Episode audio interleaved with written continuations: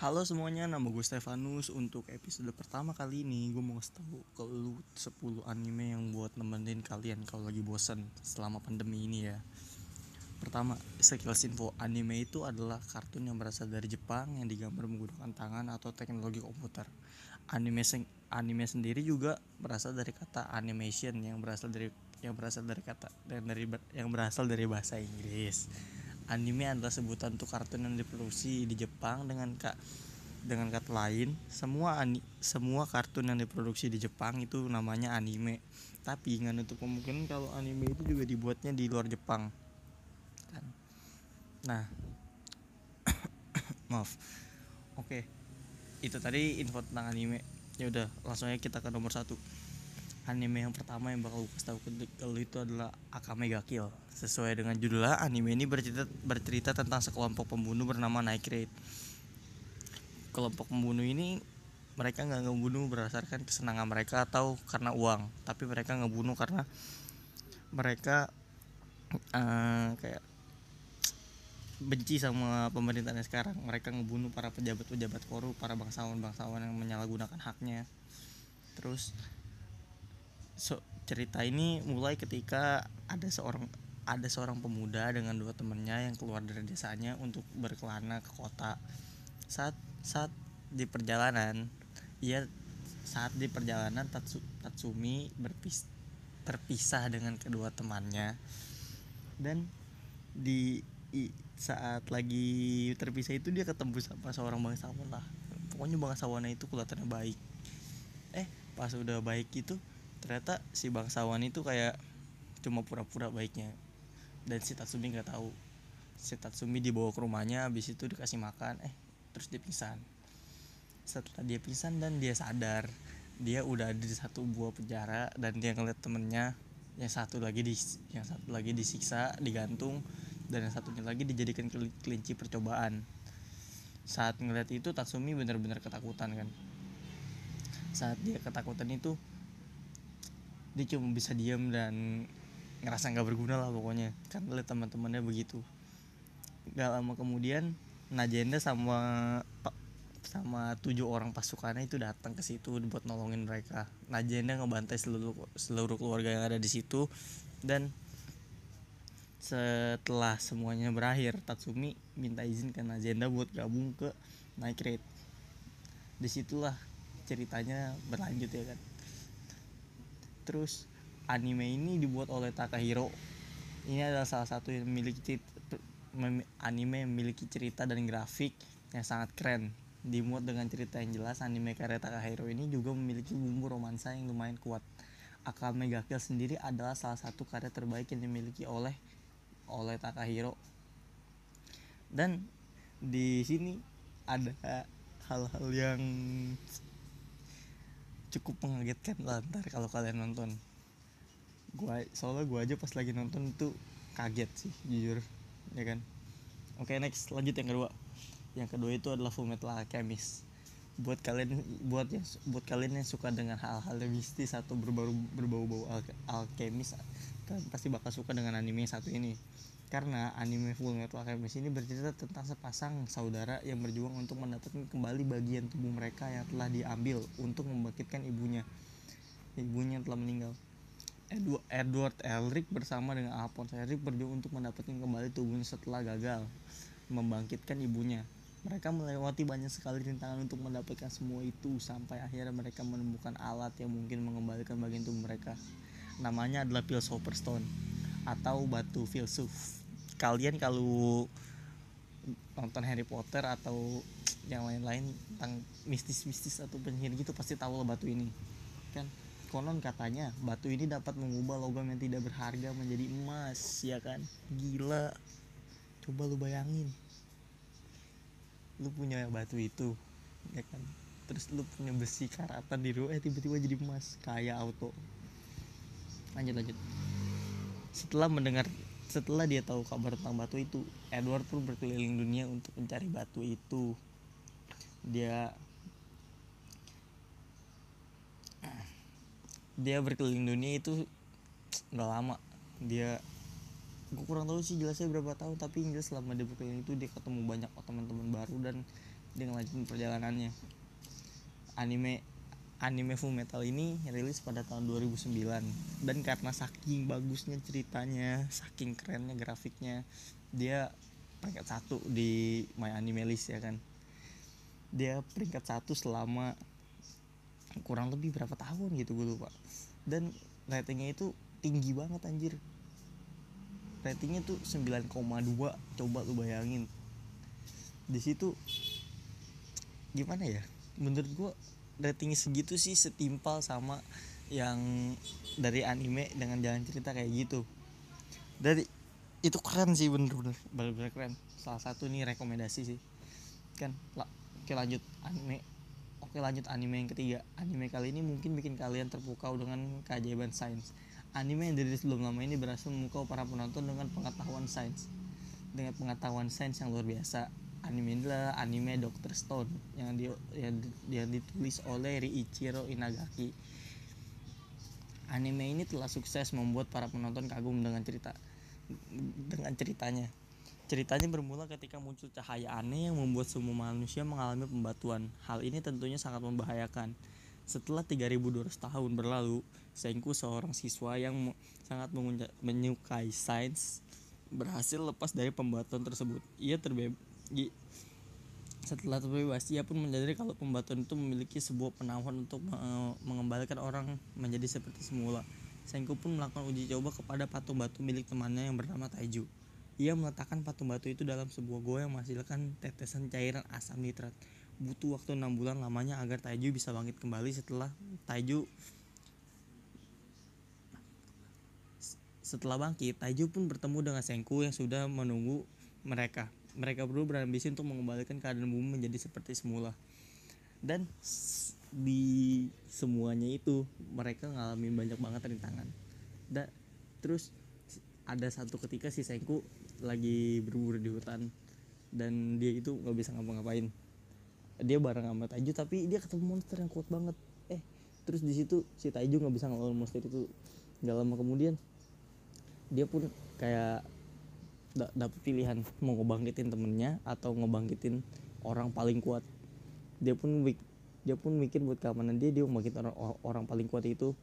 Seketika tanpa eh tanpa dia sadari yang dia bangkitin itu bakal jadi calon musuhnya. Tapi itu buat kepentingan dia jadi dibangkitin. Nah di situ agak serem sih sebenarnya ya. Nah sekarang dah lanjut ke anime keempat aja gue udah malas jelasin yang itu. Oke anime yang keempat ini adalah Fate Stay Night Unlimited Blade Works. Bagi kalian yang suka dengan anime yang berbau dengan tokoh-tokoh bersejarah mungkin anime ini dapat membuat kalian kagum. Berlatar, berlatarkan di sebuah kota bernama Fuyuki terjadi sebuah perang untuk memperebutkan cawan suci yang dapat mengabulkan segala keinginan. Terdapat tujuh orang master yang memiliki yang masing-masing master memiliki satu orang servan untuk digunakan digunakan untuk bertarung dan mendapatkan cawan suci tersebut. Salah satunya adalah Emiya Shiro. Shiro adalah seorang siswa yang yang tanpa sengaja memanggil seorang servan berkelas cyber yang konon katanya adalah servan terkuat. Jujur di sini sebenarnya lucu sih. Dia lagi iseng-iseng di satu sebuah gudang yang tiba-tiba manggil gak sengaja. Kacau sih. Mungkin bapaknya kaget kali kalau udah tahu. Oke lanjut lanjut selama pertempuran itu dimulai tanpa disadari si tuh ketemu sama temennya namanya Tosa Karin. Tosa Sirin ini itu jadi perwakilan master master yang mewakilan keluarganya. Dengan bantuan si dengan bantuannya Shiro terus berjuang untuk dapetin cawan suci tersebut. Padahal Shiro punya hal lain punya rencana lain buat buat cawan suci buat cawan suci tersebut lah. Pokoknya kalau kalian penasaran bisa cek langsung download. Download aja download. Nah yang sekarang kita lanjut ke anime yang kelima. Judul anime kali ini adalah Grand Crescent Key buat kalian yang suka tentang perang-perangan atau anime action-action yang berbumbu-bumbu romance ini recommended banget. Anime ini bermula ketika seorang gadis cantik bernama Siluka Meletes diutus menjadi penyihir yang menjalin kontrak dengan Earl of Artuk saat di perjalanan, si Luka menemui beberapa monster.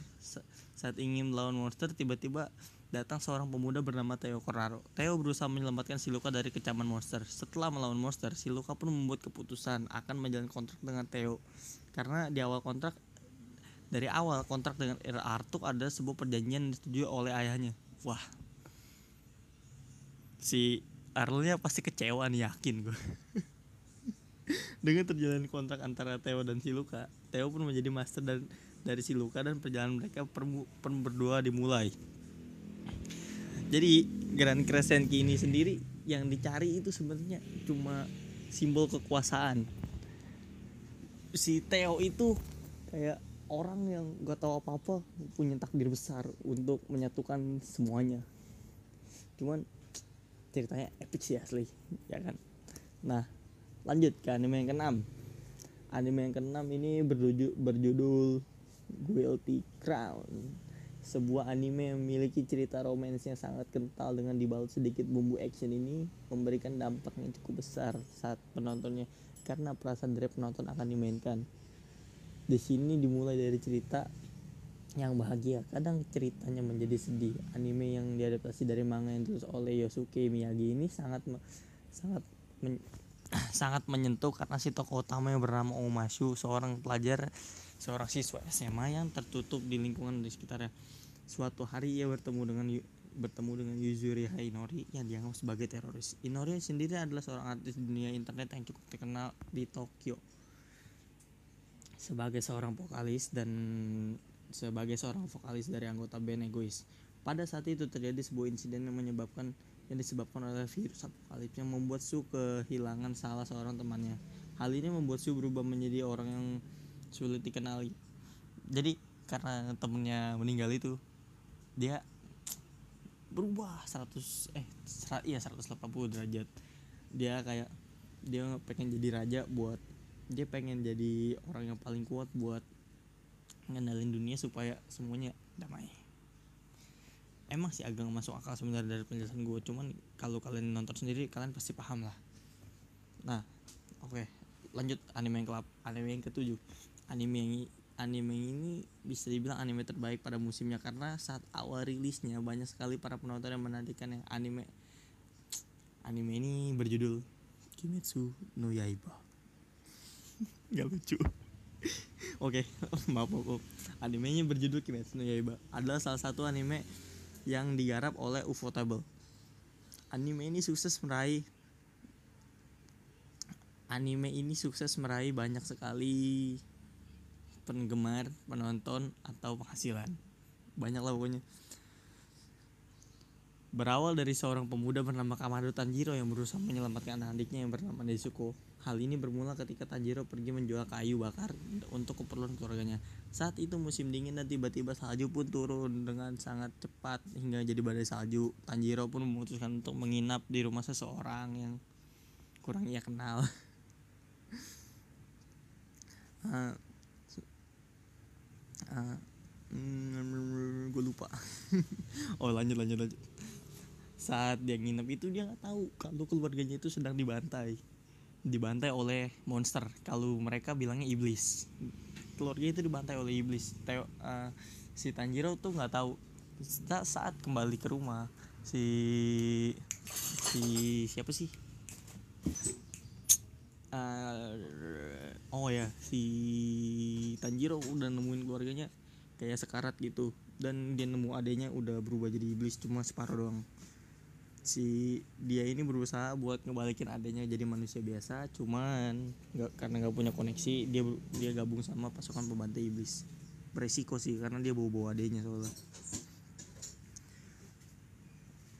Setelah dia bergabung dia dia kayak ngejalan ujian dan barang sama lima orang dia berhasil lulus.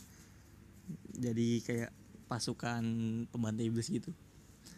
Di situ banyak yang bisa kita dapat dari ceritanya dimulai dari perikatan persaudaraan kuat terus bumbu-bumbu romansa yang tersirat dan si tokoh utamanya nggak sadar akan itu dan yang paling kerennya grafiknya. Karena ada di satu episode grafiknya itu tentang lagi battle dan itu keren banget. Lewat lah lanjut nomor 8 aja males yang ke yang ke-8 adalah Tate no Yusha. Anime ini berkisah tentang empat orang pemuda yang dipanggil ke dunia lain atau isekai dan dijadikan pahlawan. Naofu Iwatani Naofumi adalah salah satu pahlawan tersebut. Ia menduduki gelar pahlawan perisai. Suatu hari sang raja mem, sang raja memanggil keempat pahlawan tersebut dan menyuruh mereka berlatih dan mengembangkan kekuatan mereka. Sang raja juga menentukan jumlah orang yang akan menjadi anggota yang menjadi anggota di tim mereka tapi tidak disangka tidak ada seorang pun yang mau menjadi tim dengan yang mau satu tim dengan Naofumi karena senjatanya adalah perisai. Tak lama kemudian muncul seorang gadis cantik bernama Melty yang menawarkan diri untuk menemani Naofumi bertualang. Sebelum berangkat, mereka semua diberikan uang sebesar 100 keping perak dan presiden bekal untuk perjalanan. Naofumi dan Melty pun bergegas untuk membeli peralatan agar mereka dapat bertualang. Melty meminta peralatan yang lumayan mahal tapi karena merasa senang Naofumi, Naofumi pun mengabulkan keinginannya. Saat ingin berangkat keesokan hari saat ingin berangkat keesokan harinya Melty pun menghilang dan membawa semua uang milik Naofumi. Naofumi berusaha mencari Melty tapi ia tidak dapat menemukannya sampai suatu ketika sang raja memanggil ke kerajaan. Di sana Naofumi dituduh melakukan percobaan untuk pemerkosaan terhadap Melty. Uh, gimana ya? Emang sih ceritanya sebenarnya dari yang gue jelasin tuh kayaknya agak kurang etis ya. Tapi kalian wajib nonton sih. Karena di sini tuh berkisah tentang pengkhianatan dan orang yang bisa bangkit dari rasa pengkhianatan itu dapat teman baru. Pokoknya keren lah. Dan anime ini tuh membekas saat lagi epis eh lagi ongoing epis eh season satunya aja. Nggak lama kemudian udah muncul udah muncul tanggal update buat season 2 dan season 3 aja wow. Itu mungkin anime pertama kali yang muncul yang munculin begitu. Saking suksesnya dia. Udah lanjut. Anime ke-9 yang ini kalian pasti tahu karena banyak anime ini lumayan terkenal di kalangan pemuda-pemuda. Ya itu adalah Attack on Titan. Anime ini dimulai ketika sebuah titan yang sangat besar menghancurkan dinding Maria dengan agar titan-titan kecil dapat masuk dan melahap semua manusia yang ada dan dia di antaranya ada ada tiga bocah selamat yaitu Eren Jaeger, Mika Ackerman, dan Armin Adler. Mereka bertiga adalah sedikit dari orang yang selamat setelah hancur tembok. Setelah hancur tembok Maria saat penyerangan terjadi. Saat itu Eren masih berusia sangat muda. Ia bertekad untuk memusnahkan seluruh titan di dunia. Waktu waktu pun berlalu dengan sangat cepat. Mereka telah cukup umur untuk menjadi kadet. Selama menjadi kadet, hidup mereka sangat ketat dan harus bangun mereka harus bangun pagi setiap hari untuk latihan dan selalu siaga di semua keadaan. Beberapa bulan pun berlalu dan mereka lulus dari kadet. Dan mereka dapat memilih salah satu dari tiga regu pasukan Eren yang sudah mendapatkan banyak teman memutuskan untuk menjadi pasukan pengintai karena Eren punya dendam. Eren punya dendam tersendiri kepada titan-titan itu. Jadi pas lagi kejadian di Wall Maria itu penyerangan itu ibunya si Eren dimati dibunuh dimakan oleh salah satu titan. Dia di depan mata si Eren sendiri coba kalian bayangin ibu kalian dimakan titan. Kalian pasti benci sama titan itu. Nah lanjut. Setelah Eren jo join sama pasukan pengintai ini banyak hal yang kejadi lah. Dimulai dia dari ketemu teman-teman baru dia dapat dapat pencerahan dari pasukan-pasukan itu. Dan ada sedikit rahasia yang mungkin susah, ditunjukin lah. Soalnya emang sih agak susah. Mungkin kalau kalian itu kalian bakal kaget. Soalnya si Eren itu ternyata salah satu dari lanjut lanjut lanjut. Anime yang ke 10 anime yang ke 10 ini judulnya Lock Horizon dari judul aja kalian mungkin tahu ini anime isekai ya. Jadi suatu hari suatu hari saat lagi update server sebuah game ya, itu tiba-tiba semua player yang lagi login itu terseret ke saat ke dunia game tersebut. Mereka semua nggak sadar kalau itu di dunia game dan mereka nikmatin aja itu semua. Tapi ada satu orang yang heran sama kejadian tersebut yaitu Siroe. Siroe adalah seorang pemain veteran yang udah lama bermain Elder Tale. Dia adalah salah satu anggota gimana jelasinnya dia itu ahli strategis dari The Boat Charity Party yang adalah salah satu salah satu party yang sangat legendaris mereka dapat menaklukkan berbagai misi mereka dapat menaklukkan berbagai misi yang sangat hebat hanya hanya berangkutan full rate full rate itu 24 orang. Satu rate itu isinya 6, 6 orang. Jadi dia si Shiro itu ngatur ngatur timnya. Dia ngatur timnya. Dia yang mimpin timnya dia ngatur jalannya gimana. Untuk kejelasan semua itu dia bawa charity party ini saking terkenalnya saking legendanya. Banyak orang yang pengen masuk ke sini tapi saat saat ada yang pengen masuk mereka itu belum tentu diterima. Beda sih. Mereka, mereka ini bukan gue tapi cuma sekedar perkumpulan orang-orang gabut yang suka main game. Dan karena itu mereka jadi tumbuh bersama kuat bersama gitu. Abis itu yang yang kerennya lagi si si siapa sih? Si Shiro ini kan no lab jadi dia itu nggak mau berurusan sama Google karena dia punya masa lalu yang buruk sama orang-orang di sekitarnya. Dan setelah insiden tersebut si Shiro kayak penasaran sama kok dia ngerasa kayak ada yang aneh gitu. Dia dan dia juga udah ngerasa pengen pulang. Makanya dia nelusurin kasus ini. Setelah di- ditelusuri dia kayak punya banyak rencana buat ngebalikin semuanya ngebalikin tatanan dunia itu jadi lebih baik. Karena dunia itu terlampau bebas. Dia ngebentuk hukum yang dipatuhin har- yang harus dipatuhin semua pemain. Dan selama dia ngelakuin itu dia menjadi terbiasa dengan salah satu menjadi terbiasa dengan berkumpul dengan orang-orang rasa rasa percayanya kembali dan dia membentuk sebuah guild bernama Lock Horizon awalnya guild ini cuma beranggotakan empat orang yaitu dia Naotsugu temennya yang berasal dari Bocir Party juga dan Nyanta. Gimana jelasinnya? Dia susah sih jelasin. Abis itu ada salah satu orang ninja yang pernah main bareng sama dia itu namanya Katsuki dia dia berempat bikin guild itu. Buat nge- ngebuat guild itu dengan tujuan yang lumayan bagus lah selama menjalani guild itu anggotanya terus bertambah terus bertambah sampai ada 8 orang. Mere- mereka menerima menerima berbagai macam misi yang sulit yang lumayan yang cukup rumit untuk dikerjakan. Hal ini sangat hal ini sangat dinantikan oleh Shiroe karena mereka dapat men- mengembangkan kerjasamanya. Maaf untuk yang ke 10 itu tadi agak membingungkan mungkin karena gue juga agak susah sih jelasinnya. Alurnya dia dia terlalu keren untuk dijelasin dan terlalu rumit untuk pikiran gue oke yang tadi itu ke 10 anime yang gue kasih tahu ke kalian. Jadi 10 anime itu emang bener-bener recommended dan keren menurut gue kenapa? Karena 10 anime tadi itu hal yang wajib kalian tonton kalau lagi bosen. Buat kalian para buat kalian orang-orang yang suka anime pasti pastilah harus wajib banget nonton anime ini karena di samping ceritanya yang keren jalan grafiknya yang bagus terus ha- hal-hal mengejutkan yang muncul saat anime itu berlanjut itu bakal menarik hati kalian sih.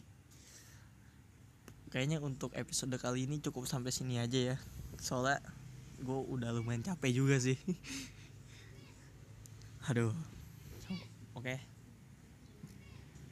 Terima kasih buat kalian yang udah mau dengerin podcast kali ini. Maaf kalau hasilnya kurang maksimal